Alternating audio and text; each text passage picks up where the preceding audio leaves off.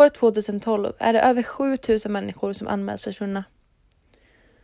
De flesta av dem som anmäldes kom hem igen.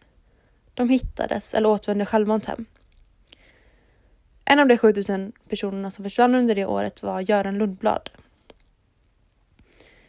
Men Göran hittades aldrig. Han kom aldrig hem. Hans dotter Sara Lundblad sa sig vara mycket orolig för sin far men la snabbt försvinnandet bakom sig och fortsatte livet som vanligt med hennes sambo Martin. Göran, en mycket framgångsrik och omtyckt man, ägde en gård och stora marker i norra Förlösa. Men någon ville honom illa. Det skulle dröja ända fram till 2015 innan Göran hittades. Men han kom inte självmant hem. Görans förmultnande kropp hittades mördad och begravd på hans egna marker knappt en kilometer från hans hus.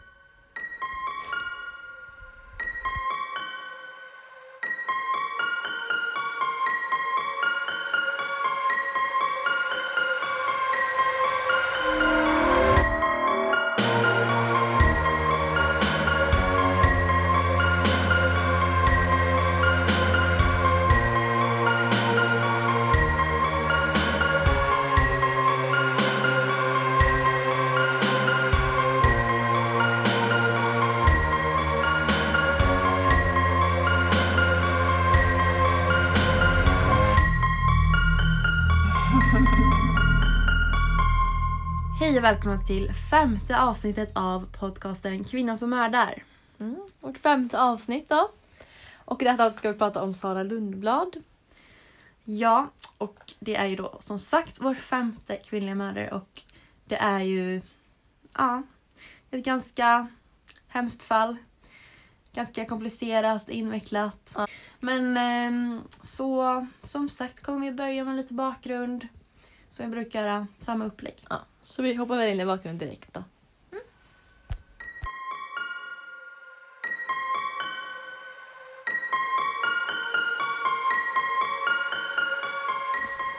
Sara Lundblad gick ut gymnasiet med eh, skogsbruksutbildning och eh, har sedan dess arbetat tillsammans med sin pappa på familjens jordbruk och i ett företag som de då båda ägde gemensamt. Mm. Och hennes pappa hette då Göran Lundblad. Och han var fastighetsägare, bostadsägare och hade många fastigheter i olika delar av den norra... Norra Förlösa, det är ett område. Liksom. Ja, det är en del då. Mm. Och ja, som sagt var det mycket jordbruk och sånt. Och i över 50 år så har en grannsläkt till Lundblad, då, alltså Törnblad, de har, ofta, de har haft en väldigt stor konflikt mellan varandra. Mm. Och det är ofta så på landsbygden då att det blir konflikter om mark mellan gårdarna. Mm. För man vill ju ha man vill behålla den mark man har men man vill också ha mer för att kunna utveckla jordbruket och utveckla sitt företag och så.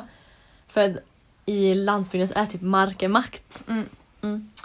Och Göran då, han är väldigt framgångsrik inom det här, hans företag och det då. Mm. Eh, hans jordbruk och hans mycket väl förvaltade pengar har gjort honom ekonomiskt oberoende egentligen. Han är liksom miljonär. Och detta är ju då så, något som har gjort konflikterna mellan Törnblads och Görans familj ännu större. För då blir det så avundsjuka och ja, kan du inte ge lite till oss eller så här. Ja för Törnblad de har väldigt mycket typ skulder och sånt. Ja, de är väldigt, de spenderar mycket, de är mer vågsamma. Och det här förstärker ju då den här fiendskapen mellan de två. Mm. Men det som händer då är att eh, Görans dotter, alltså Sara Lundblad, hon blir tillsammans med en i det här, en av de fienderna liksom. Alltså, Mm. I grannsläkten. ja, Martin Törnblad. Och Mm. han bodde då i granngården och det här var 2009.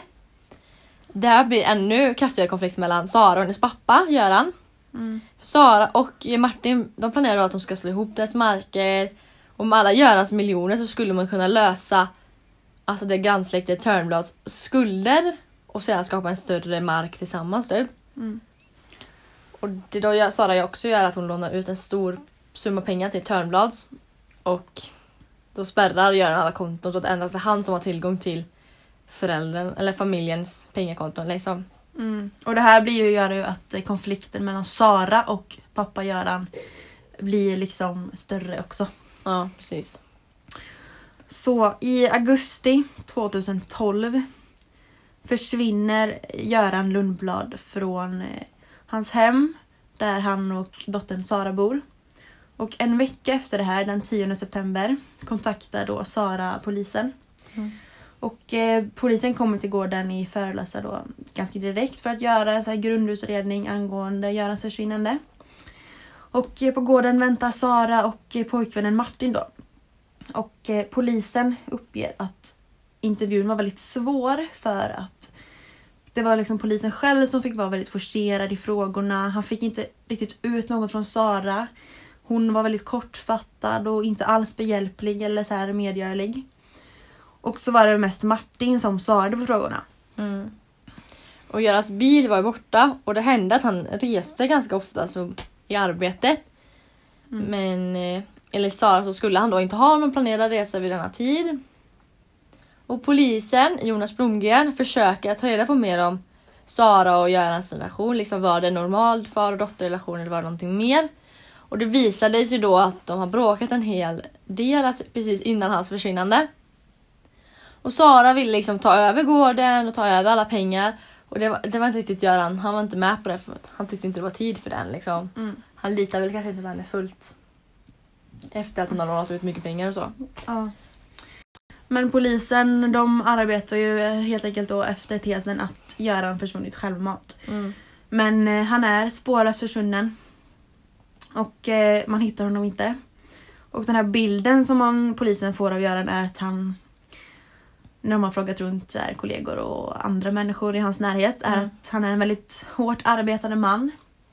Och att han kunde ibland ge intryck för att vara så här, lite bitter men han var ändå väldigt omtyckt och respekterad av Mm. sina nära och så. Och efter en tid då efter det här försvinnandet så meddelar Sara att eh, hon har hittat Görans bil utanför en lägenhet som Göran äger. Ja. Och eh, i det här så hör då plötsligt Saras halvsyster, alltså Görans dotter, Mm. av sig till polisen. Och det hon uppger då är att hon är mycket orolig över sin pappa. Och att hon faktiskt inte riktigt litar på Saras uppgifter om Görans försvinnande. Och eh, den här systern då tar även kontakt med Missing People. Och när Missing People kommer och besöker gården där Göran bodde så möts det då av Martin Törnblad, Mm. Saras pojkvän. Och eh, då försöker de få Martin att höra av sig till Sara. Liksom, vi behöver prata. Vi vill gärna prata med Sara för vi vill, ja, men vi vill reda Men det handlar om hennes pappa liksom. Men då säger Martin, nej men jag vet inte vad hennes nummer är och jag har inga pengar på mobilen så jag, jag, jag kan inte ringa. Så då blev ju Missing Peoples letande blir liksom resultatlösa den här gången då för de Mm. kunde ju inte göra någonting. Nej, precis. Och polisen som vi pratade om innan då, alltså Jonas Blomgren, han kunde inte riktigt släppa det här försvinnandet. För han har jobbat länge, han liksom vet hur det här kan se ut. Och det kändes inte bra och det var någonting som inte stämde kände han. Då just vid det här försvinnandet. Mm. Och vid den här tidpunkten så har också Martin flyttat in i Görans gamla boende, alltså blivit sambo med Sara. Mm. De har tapetserat och gjort om delar av huset. Och polisen håller liksom alltså under den här perioden förhör med Sara och Martin. För de, som sagt så tyckte en av poliserna att det var lite misstänksamt. Och Sara var ju ledsen men det fanns liksom en känsla att det inte var på riktigt. Det var inte liksom ett genuint lättsamhet liksom. Alltså, det var väldigt märkligt. Och det jobbades mycket under en period där om Göran faktiskt var försvunnen eller inte. Mm. Men eh, inga livstecken från Göran uppstod ju och hans konton stod ju helt stilla. Mm. Så till slut den 22 december 2012 så bestämde sig polisen för att lägga ner sökandet efter Göran Lundblad. Nej. Det fanns ju ingenting som visade på att han levde. Men det fanns ju ingenting som visade att han var död heller. Nej. Och alltså man kan ju försvinna frivilligt så polisen Mm. kan ju inte leta efter någon som Alltså som bara försvunnit. Liksom, Om det är, allt blir resultatlöst så kommer de ju lägga ner ett beslut. Mm. Liksom. Och det alltså vad säger ett, ytterligare ett år. Och Missing People löser många fall i det här samma området då. Och i januari 2014 så bestämmer sig Missing People för att lägga mer energi på de olösta försvinnanden. Till exempel då så ringer de upp Saras halvsyster och hon börjar gråta och säger alltså äntligen är någon som ska komma och hjälpa mig. Polisen gör ingenting och jag ringer pappas mobil varje dag men var är han? Han har bara gått upp i rök och hjälpt till. Och sen ringer de ju Sara, alltså hans dotter då och hon får ett helt annat svar. Hon är mer så här, jag förstår inte varför ni fortfarande håller på och försöker leta honom. Han är ju försvunnen, jag har lagt det där bakom mig, men gör som ni vill. Alltså typ lite så. Mm. Den attityden, att hon inte riktigt brydde sig så mycket. Mm. Helt annat än halvsystern då. Mm. Eh, Men Missing People påbörjar då en ny process för att leta efter Göran. Och eh, det här märker man skapar ett orosmoment för Sara och Martin. Mm. Och en tjej då som jobbar på Missing People, hon heter Therese Tang. Och hon jobbar där då. Och eh, hon är, hon är känd för att så här, vara väldigt bra på att komma nära människor. Och skapa ett förtroende. Få folk att lita på henne och få folk att öppna upp sig för henne. Mm. Och Martin, när, eller när Missing People arbetade i det här området och letade och så, så gick Martin ofta fram till dem och frågade vad de gjorde, var nyfiken. Och Missing People såg han cirkulera runt dem nästan varje dag när de arbetade. Antingen körde han förbi eller körde han bil förbi. Eller så gick han till dem eller gick förbi bara så. Mm.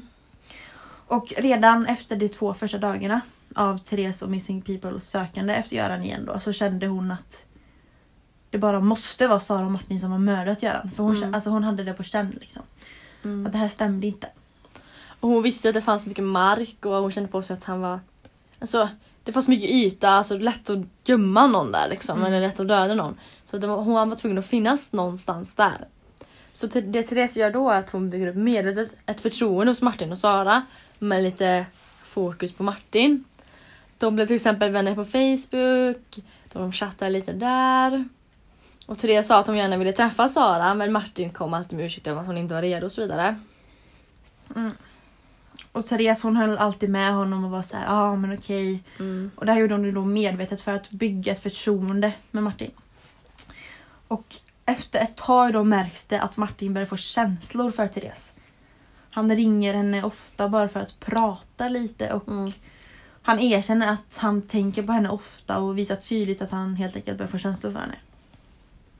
Och Martin trodde ju att Therese hade gott om pengar och gillade lantbruk för att hon hon höll ju alltid med om allting Mm. han sa liksom. Hon bara, ah, men gud jag känner igen det där bara för att hon skulle skapa ett förtroende. Och Therese trodde ju att Martin hade någonting att göra med Görans försvinnande och spelade med i allt för att hon skulle få reda på om det här försvinnandet då. Och till slut då den 17 juni 2014 får hon ett avgörande sms från Martin där han skriver att han vill prata med Therese. Men att hon inte får tala om vad han kommer säga till henne för någon. Och detta går ju Therese med på. Och hon lovar att, det ska, att hon ska hålla det hemligt.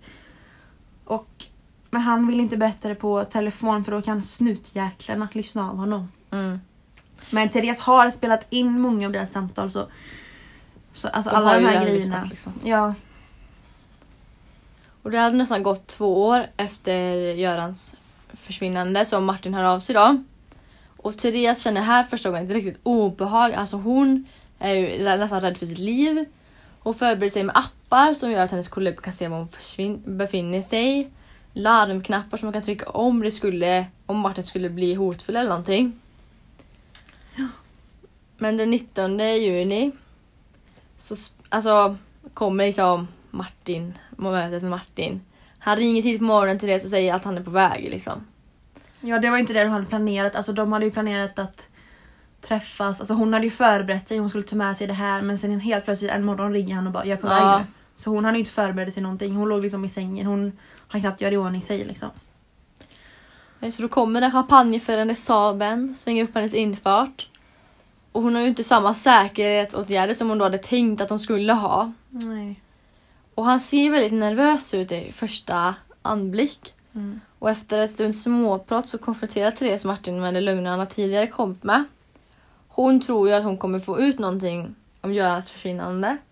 Och i hemlighet så spelar hon även in det här samtalet då, som hon har med Martin. Mm. Och Martin kommer ju här berätta vad som, kom, vad som har hänt med Göran, vad han har gjort. Och det kommer vi nu ta upp i brottet.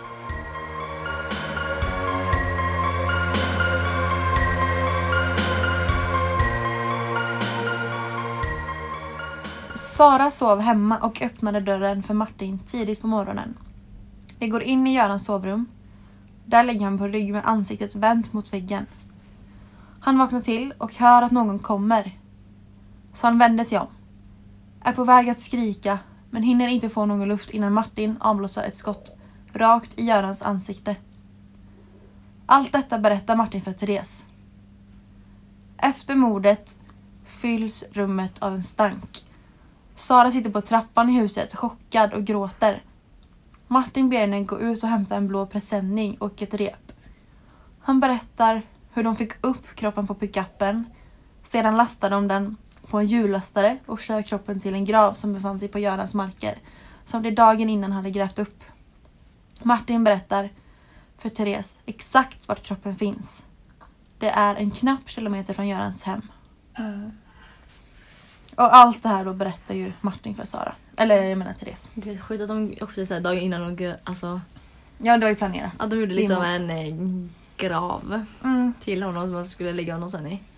Ja, men eh, Therese kommer ju säga det här till polisen då. Hon Mm. säger att polisen, hon har spelat in samtalet och allting. Så den 20 juni så grips Martin i sitt hem och två dagar senare så grips även Sara då. Kriminaltekniker åker ut och kontrollerar Martins berättelse om hur mordet skulle kunna gå till. Liksom, är det rimligt? Och de genomgår då en stor teknisk undersökning i huset. Där då Göran sägs ha blivit mördad i hans sovrum. Mm.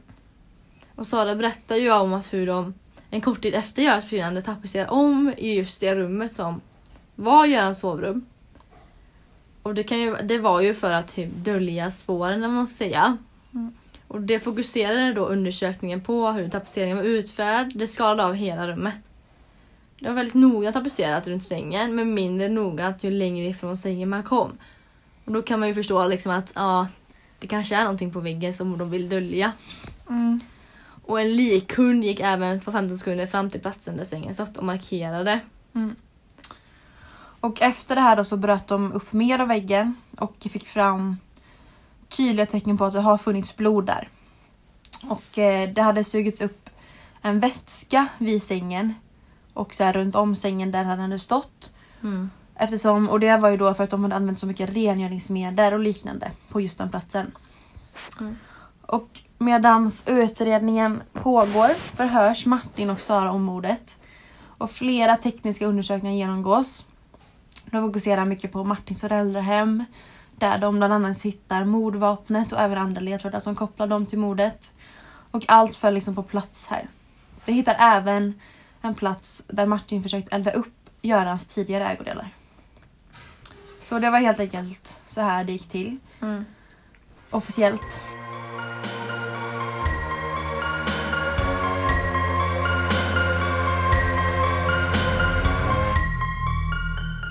Och det som hände sen och straffet. Alltså Martin Törnberg han sköt ju Göran Lundblad alltså, i ansiktet från en meters avstånd med en dubbelpipig hagelbössa. Mm. Och han fraktade ju liksom liket, körde hem den till sin egna gård, lastade om den och begravde den i en grav som de hade liksom grävt dagen innan. Så det var verkligen ett planerat mord.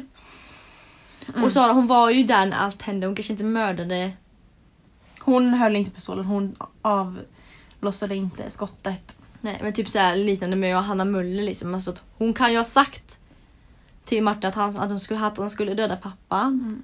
Eller så kanske hon var helt omedveten om att pappan egentligen, eller att Martin egentligen sköt pappan. Det kan man ju inte veta men hon var ju delaktig i alltså delar av mordet. Att de skulle alltså föra bort kroppen. Hon hade antagligen hjälpt till att gräva i graven. Mm. Och hon ljög om att det hade hänt och hon anmälde sig för försvunnen. Alltså hon gjorde väldigt Mm. många brott ändå som kanske alltså som är tecken på att hon är med en del av Mm. mordet liksom. Och eh, Sara har... Och det är många som sagt att Sara uppfört sig så här ganska hotfullt och aggressivt med. Mm. Och sen så framkommer det då att Sara efter försvinnandet hade förfalskat Görans namnteckning på olika värdehandlingar. Och även fört över en miljon kronor till Martins pappa och även stora summor har försvunnit från Görans bankkonton. Mm. Och, men sen då när polisen gräver upp Görans kropp och fastställer sig, ja det, det är ju så här, det, ett mord har begåtts och det är så här det gått till. Så nekar ju Sara helt till att ha något att göra med mordet eller försvinnandet. Och eh, det man kan se är ju att Sara försökte ringa pappan efter hennes, han försvann. Mm. Precis som hennes halvsyster gjorde. Hon sa ja, jag ringer han varje dag. Och det man kan se på Saras samtal. Han hade ringt, eller Sara hade ringt ungefär 11 gånger. Och alla samtal var fyra sekunder eller kortare. Och alltså att ringa i fyra sekunder, en, två, tre. fyra. Alltså det går ju väldigt fort. Mm. Man kommer inte hinna fram. Alltså, hon har ringt i fyra sekunder, sen har hon lagt på. Hon har ju ringt mer för att det ska se bra ut. Hon, Ja. vet, hon vet om att hennes pappa är död. Men hon måste ju ändå på ett sätt vara ungefär som sin syrra. Ja, Och då väljer hon att ringa för att ska säga såhär, oh, men gud hon, är hon kan ju inte vetat om det här för då hade hon ju inte ringt. Alltså lite så. Mm. Så lite väldigt så här planerat i detalj. ja. Och den 20 januari 2015 så väcks åtal mot Sara och Martin. Och åklagaren anser då att de båda har lika stor del i mordet, att de både planerat och de har genomfört mordet på Göran. Mm. Vilket de även döms för då. De döms för mord och hovrätten i tingsrätten, sen så överklagar väl någon det. Och då hovrätten fastställer deras dom till 18 års fängelse. Mm. Men det är ju mot deras nekande. Mm. Så Martin säger att det är en annan gärningsman som är inblandad.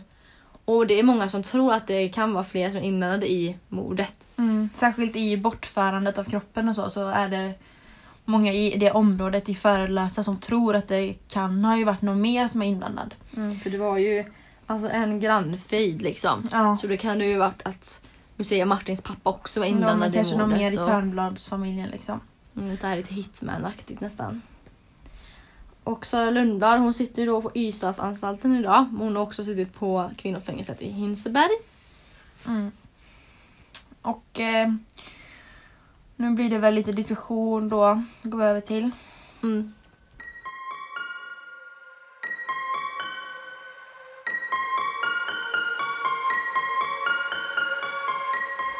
Och det är så här, alltså feeder om vem som har rätt om marken, alltså på de svenska la- landsbygden, det är verkligen att mark är makt. Mm.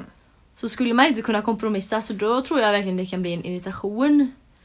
Jag tror absolut att det var väldigt stort bråk mellan La- Lundblad och Törnblads. Och särskilt det här avundsjukan. Så här, han har mycket bättre mark, eller han har mer mark, bättre gård. Han är miljonär och vi har så massa skulder. Mm. Det är klart man stör sig på den och så kan inte du bara hjälpa oss då? Eller så kan vi inte dela på saker? Mm, Eller så kan inte jag få en del av din mark så det ska gå lite bättre för mig. Ja. Och Och- sen Göran har ju jobbat, alltså Hårt liksom i Ja. sina dagar. Men han har ju också varit, alltså de har ju ändå beskrivit honom som bitter så han kanske också var lite mm, alltså, elak mot dem också. Och sen blir ju också Sara kär i liksom i grannkillen som egentligen ska vara en fiende. Ja. Och då kan ju han på ett sätt alltså övertala henne att det är Göran som är dum liksom. Mm. Och då blir ju Göran arg på Sara på ett sätt och då kan det ju skapa mer agg mot Göran från Saras sida också. Mm. Men det är så här, alltså det grund, grundmotivet till det här mordet är ju att få åt sig Görans pengar och makt. Så det är liksom pengar som är motivet i det här mordet. Mm. Och på ett sätt då så är det också att eh, det känns ju egentligen som att det är mer Martin som har varit den drivande för att Sara hon hade ju egentligen de pengarna innan då Göran gjorde så att hon inte kunde ta åt pengarna liksom, eller att han Mm. liksom spärrade kontona. Men innan det så hade ju Sara pengarna, det var ju när hon började träffa Martin som hon fick mindre tillgång till pengarna. Så då är det kanske Martin som egentligen vet ha pengar men sen är väl hon och Sara kär och dum. Och tänker väl att de har ju också bråkat i sina dagar så det blir väl så här. Ja, jag klarar mig själv, jag vill ha gården, inte min pappa liksom. Men jag kan tänka mig att Martin var den drivande. Mm. Men man, alltså man kan ju inte heller förneka att hon är ju inblandad. Alltså hon har ju varit, hon har typ ljugit för polisen. Ja, alltså hon är ju dömd för mord. Ja alltså det är ju inte så här. Det är inte så här hjälp, medhjälp till mord utan det är verkligen mord. Alltså man kan ju Mm. dömas för någon annan liksom mildare grad typ. Ja. Men Så hon är ju absolut inblandad, det tror jag verkligen. Jag tror inte att det är så att hon är omedveten om vad som Mm. hänt. Eller det hon... kan ju också vara så att Sara liksom sa åt Martin att mörda Mm. hennes pappa. Ja. Det har man inte riktigt fått något besked om hur, hur hon är inblandad. Om hon sa att så här, "Ja, men, alltså, jag vill inte att han ska leva liksom. Eller om det var Martin eller om det var båda, om de kom Mm. fram till det. För grä, alltså, de, de grävde en grav tillsammans Mm. för hennes pappa så, och svärfar liksom. Det var ju planerat verkligen. Liksom. Mm, det var ju planerat i detalj. Så här. Och en vecka efter så, så ringer vi polisen, anmäler henne försvunnen, sen hittar vi bilen och sen så ska jag ringa några gånger så att det blir så här. Mm. Men det ser, de ser på min mobil att jag har försökt nå min pappa. Typ så. Och eh, det här offret är ju en nära bekant vilket är väldigt vanligt för Kvinnliga mördare. kvinnliga mördare. Att de mördar och väldigt sällan en främling liksom utan de mördar någon som är bekant och även så är pengar ett vanligt motiv för kvinnliga mördare. Det kan vi ju se med Johanna Möller också. Ja, Att Precis. pengar är väldigt stort fokus för många kvinnor. Då. ja det, men det, det är ett av de så här vanligaste motiven om det inte är typ svartsjuka så här, kan Ja. det ofta vara pengar. Det måste ju vara pengar liksom, som är de största motiven. Mm. Och eh, ja men det är så här. Det här att jag, vet han, Martin faktiskt erkänner sitt brott för Therese, det säger ganska mycket om han också. Han är ju ganska naiv. Liksom. Han erkänner ett mord för en som jobbar för Missing People och tror att hon inte kommer liksom, säga det till någon. Mm. Eller han, så blir, är- han blir ju kär i henne typ. Ja. Han får ju någon liten förälskelse för henne också. Och då kanske hon alltså han vill ändå prata om det med någon för han har säkert bara pratat om det med Sara. Mm. Men... Ja, Och sen det är nog inte lätt att ha en sån hemlighet heller och liksom. håller inom sig. Alltså de höll det liksom två år. Det kan ju förstöra deras förhållande med liksom. Alltså de höll en hemlighet så en hemlighet i två år. Alltså det är en väldigt lång period och Mm. inte kunna säga någonting liksom. Ja. Men det var helt enkelt det här äh, veckans avsnitt om Sara Lundblad. Väldigt spännande fall. Mm. Som... eh, ja, man kanske inte hört så jättemycket om det men det var ju ändå ganska nyss det skedde. Alltså jag visste ju typ inte om att det var liksom Alltså fejder ute på landsbygden och mark liksom. Nej. Och att det ändå kunde gå så här långt att det blir liksom ett mord för att man vill ha mark typ. Ja. Det väl- låter ju väldigt gott. Alltså, det Det låter, låter som, så här 18... Eller det låter typ... alltså, alltså stenåldern, under bondesamhället när det var väldigt mycket, alltså, så innan industrialismen typ. Mm. Då kanske det var så här men nu att det är så här, nu liksom 2014, 2015, Ja. alltså Det är verkligen chockerande. Mm. Ja, det är faktiskt väldigt konstigt. Men ja, det var ju allting för veckans avsnitt. Hoppas ni tyckte det var spännande och intressant. Mm. Så ses vi i nästa avsnitt. Hej då! Informationen till det här avsnittet har hämtats från TV3 Dokumentär samt artiklar från Expressen och Aftonbladet. Tack för att ni lyssnade.